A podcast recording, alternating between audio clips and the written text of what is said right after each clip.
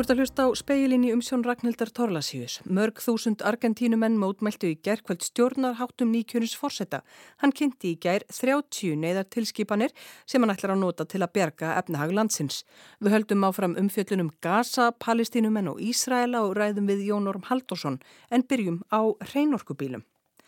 Um áramót verður hægt að veita kaupendum vistvætna bíla afslátt af virðisaukaskatti og frá nýjárstegi verða teknir upp beinir styrkir af vistvænum bílum, þó aðeins svokallum hreinorkubílum. Orkusjóður sem að heyrir undir orkustopnun fekk það verkefni í fangið að smíða kerfi utanum styrkina. Ríkið ætlar að styrkja kaupendur hreinorkubíla um 30 miljardar króna á næstu 5 árum til að stuðla að orkuskiptum mest fyrstu 2 árin.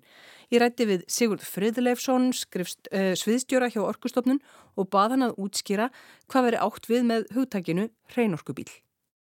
Þetta eru bílar sem eru með enga lósun og það er í raun og veru bara hreinir afbílar og eh, vettnisbílar sem ganga á efnaravalum. Það byggist á því að við náttúrulega, okkur ber ekki að velja tækni sérstaklega, þannig að við erum að horfa þetta út frá púströðsleysinu, þannig að maður segja að eins og staðinni núna þá er þetta bara rafbílar. Og af hverju bara að styrkja hrein orkubíla, af hverju ekki þessa tengiltvinn eða þessar bíla sem að eru ganga fyrir vistvætni orku og hafa svo bensintank líka. Grunn ástæðan fyrir akkur er verið að setja styrkjufleitt í reynorkubifriðar er að þetta hefur mikinn samfélags áhrif á mörgum sviðum. Þarna erum við ekki bara að tala um þetta hennu augljósu lofslagsmarkmið sem eru mjög þétt hjá okkur og elsneitislutin er stærsti parturinn þar af þannig við þurfum orkuskipti í samgöngum eða samfélagið á að ná þessum lofslagsmarkmiðum en þetta snýst líka um orku öryggi það snýst um heilsusbyllandi mengun og hafðkvamara rafarkukerfi þannig að það er svona samfélagsþættir sem ná út fyrir, hvað við segja, enga ákvörunar um að kaupa bíl, þess vegna er yfirleitt eh, ríki að skipta sér að þessu af því það er að fjárfesta í samfélagsávinningi Akkur hefur verið að velja bara rafbíla, við erum bara að reyna að fylgja þessar þróun sem er í gangi. Eh, það má segja kannski að tengild fimmbilarnir sem er svona blanda bensín og, og, og rafmagni það verið ákveðin brú á milli þessar tvekja heima en svo verðist sem eh, bílageirinn sé algjörlega að færast yfir í reynar afbíla sem er vel því að það er hinn fullkomn orkuskipti og við erum kannski að stíga þau skref bara til fulls með þessu. Gilda þessi styrkir bara um kaup á nýjum bílum eða líka nótum? Þetta gildir fyrir nýja bíla og nýlega bíla. Þetta gildir fyrir nýjar skráningar á Íslandi en þetta eru þá líka bílar það er að hluti af nýskráningum hér eru sagt, nýjir bílar sem koma í gegnum ekki endilega umboð heldur eru fluttir inn sem nýjir eða nýlegir en við gerum gröfum að þeir séu ekki gamlir að því að við viljum auðvitað fá bíla inn í kerfið og styrkja bíla inn í kerfið sem koma hérna og verða næstu 15-20 árin. Að þetta gildir ekki um neinn vistvæn hjól, rafhjól eða neitt slíkt? Nei, þetta er nú líka umfangið á að halda utanum fjárfestingar og þegar við erum komin í svona kannski ennminni fjárfestingar þá er kannski ekki hefðið að vera með hérna, að gera það í gegnum svona orku sjóðskerfi. Nó er þetta nú samt að því að þetta getur orðið mörg þúsund umsýslur á, á styrkjum þannig að þarna var nú bara dreyin línan. Svo er sett þak á hvað bílinn má kosta? Já, sko breytingin er talsverð. Það er náttúrulega mjög farsælt eh, virðisuga afsláttskerfi er að þá að rennundi lók og núna er þá verið að setja fasta fjárhæð á þessa styrki sem á að nýta til þess að styðja við orkuskipti í aukutækjum. Þannig að það er ímislega sem breytist og það var hávar krafa um svo kallur réttlát umskipti í tengslu við þessi orkuskipti það sem að, það var svona talað um að, að hérna, fyrir að kerfi væri nú bara fyrir þá sem hefðu efna á rafbíl og þetta væri ekkit fyrir alla. Og það kannski aðeins að verða að koma til móts við þá hugmyndafræði með því að bæði hafa þak á uh, heildar upp að bíla sem styrt eru. Þannig að þannig er setta 10 miljónir að þá uh, bílar sem kosti yfir 10 miljónir fá enga styrk. Út frá þeirra hugmyndafræði að þeir sem eru kannski þar eða geta ráðið við allan kostnæða hvort þið er.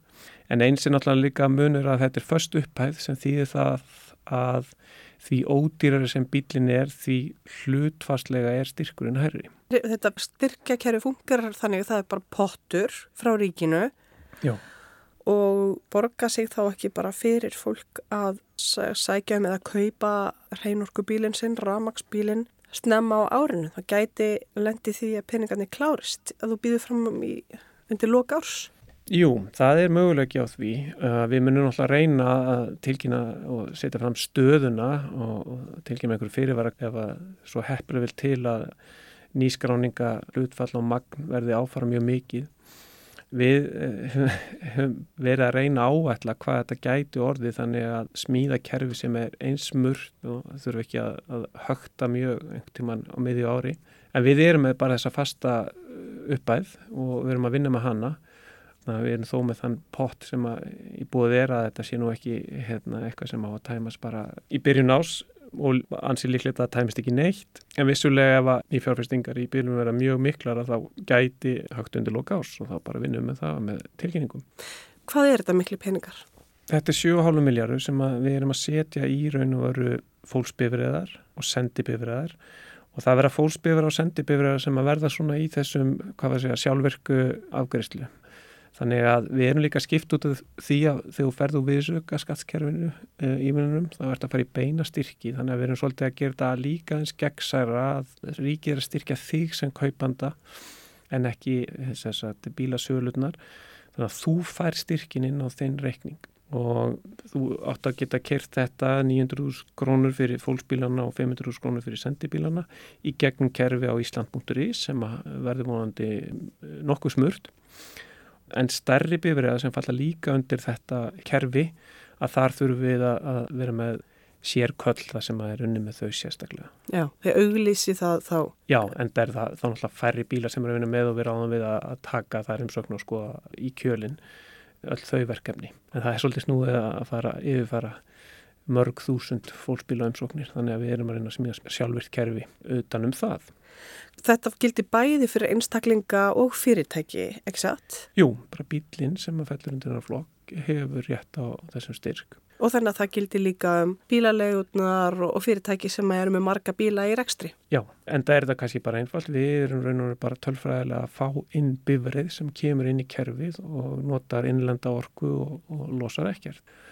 Þannig grunninn svona kannski skiptir ekki alveg hildina hvar sá bíl lendir kervislega eða tölfræðilega þannig að við höfum bara að fá það á inn og reyna að gera það svona með, með sem einfjöldustum hætti. Þannig að manneskja sem að kaupir bíl eftir áramót leggur út, segjum, 10 miljónir, kaupir bílinn, sækir um inn á Ísland.is og fær styrkin endur greitan þá hvenar? Eftir þrjá mánuði eða? Nei, nei, það er bara, það er örfáði dagar eða það mun gerast mjög hratt. Þannig að við sjáum fyrir okkur raun og öðru að, að bílasölur finni svona hérna mildustu leið til þess að afgreða þessar bílapantanir þannig að þetta ger, gerist með bara sem svona einföldustum hætti millir neytandans og, og sögulegaðalans.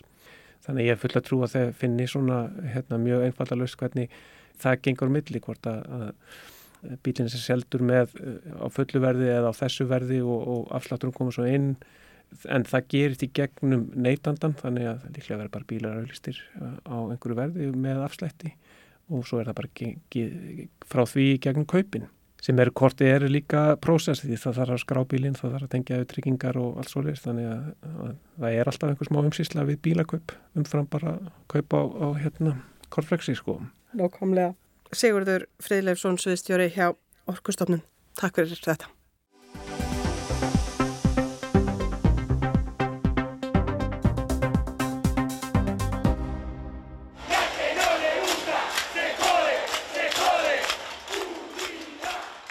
Þúsundir íbúa Buenos Aires, höfuðborgar Argentínu, sapnuðu saman við þinghúsið í gerkvöld, börðu potta og pönnur, veifuðu mótmælaspjöldum og hrópuðu vígor gegn Javier Milei, nýkjörnum fórsetta landsins. Hann kynnti í gerð 30 neyðar tilskipanir af um það byrj 300 sem ætlaði er að taka á alvarlegum efnahags vanda landsins. Meðal annars ætlar fórsetin að hætta við að niðurgreiða eldsneiti, afnema húsalegulög, einni lög sem banna ríkisfyrirtæki verði engavett og sömulegis lög um byrðir í matvöruverslunum og að nútíma væða lög um vinnumarkaðinn til að auðvelda fólki að fá vinnu að sögn. Mótmælendur sem fjölmiðlar rættu við í gerkvöldu töldu að báur efnahagur landsmanna ætti enn eftir að versna þegar tilskipanir fórsetans kemur til framkvæmda. Þeirra á meðal var Carlos Paz.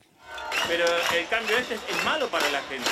Esto es malo. Nosotros manejamos comercio y comida y la gente no va a poder pagar la comida. es muy grave lo que va a pasar. De acá a tres meses va a ser terrible. Þessar breytingar verða fólki þungbærar, sagði hann. Ég vinn í matvælageranum og fólk á ekki eftir að hafa efni á að kaupa sér mat. Það sem stendur fyrir dyrum er mjög alvarlegt. Eftir þrjá mánuði verður ástandið hræðilegt. Monika Miller, viðskiptafréttamaður hjá Breska ríkisútvarpunu segir að svo virðist sem fjárfestar í Argentínu séu ánaðir með bóðaðar efnahagsráðstafanir. Almenningi sé aftur á móti brugðið. Ástandið hafi þó verið með þeim hættu um langt skeið að öllum hefði mátt vera ljóst að eitthvað þyrti að gera. In some of the analysts that we have spoken to, they said that, you know, it's basically a house on fire and they really have no choice but to make some dramatic changes. Nokkrir greinendur sem við höfum rætt við segja að Argentína sé eins og brennandi hús. Argentínumenn verðið að grípa til einhverja róttækra aðgerða, segir Miller. Hún bendir á að landið sé þriðja stærsta hagkerfi Rómönsku Ameríku. Þrátt fyrir það hafi þjóðarskuldir rannast upp og óstjórn í hagstjórninni hafi lengi verið við líði. Monika Miller bendir á að verðbólgan í Argentínu hafi farið í 160%. Fjórðungur þjóðarinnar segir hún að sé undir fátæktarmörkum en samkvæmt öðrum heimildum eru þeir mun fleiri eða um 40% og útlitt er fyrir að þeim fjölgi um að minnst að kosti 10% næstu tvo mánuði.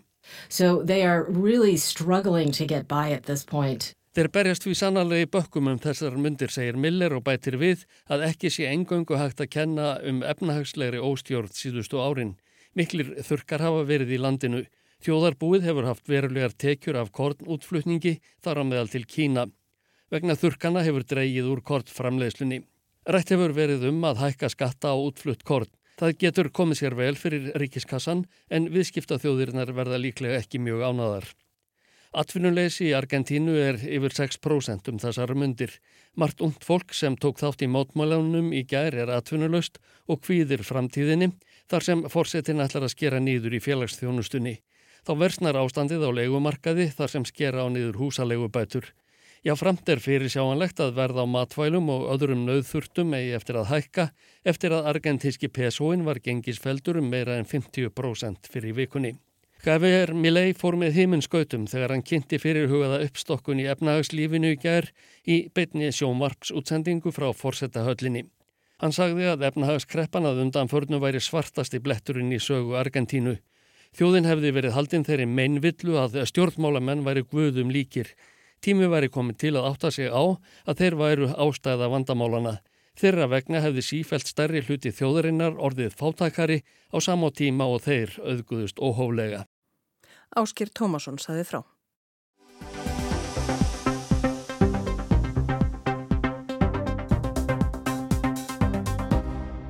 Enn er þráttaðum orðalagi búaðari álíktun öryggisráð saminuðu þjóðana um tafalust vopnalli á gasa.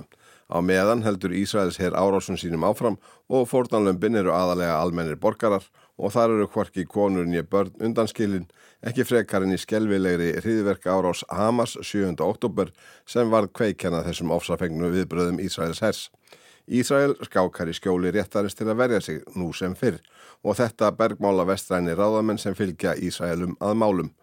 Jón Ormur Haldorsson, doktor í alþjóðstjórnmálum, segir þessa afsökun ekki duga lengur auðvitað þá ríkið að verja sig. En þá voru maður líka að líta til þess hvernig ríkið var til, hvaða kostaði það verða til, hverju voru sviftir landi, hverju voru regnir útlegð, hverju voru einangraður, hverju voru sviftir lífi í þeim tilgangi að ríkið eru til Ísæl eða stækkað upp í þess að núna.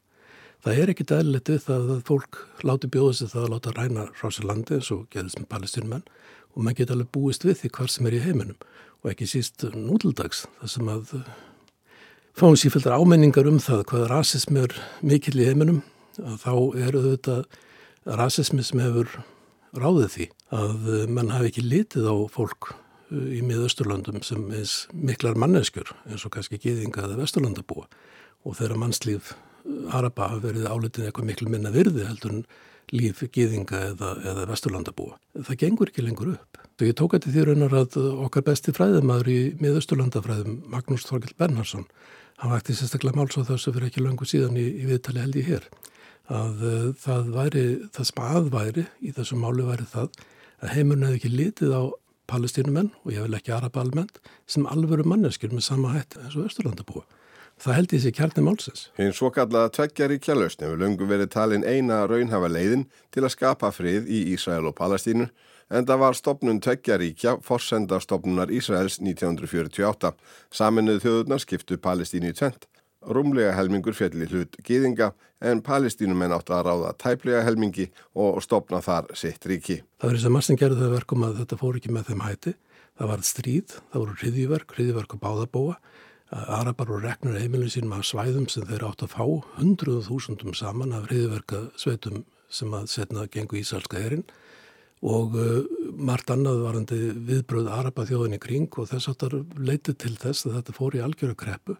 Í Jordani menn tóku Vestubakkan og Egipta tóka þessari stjórna gasasvæðinum sem var það sem eftir var.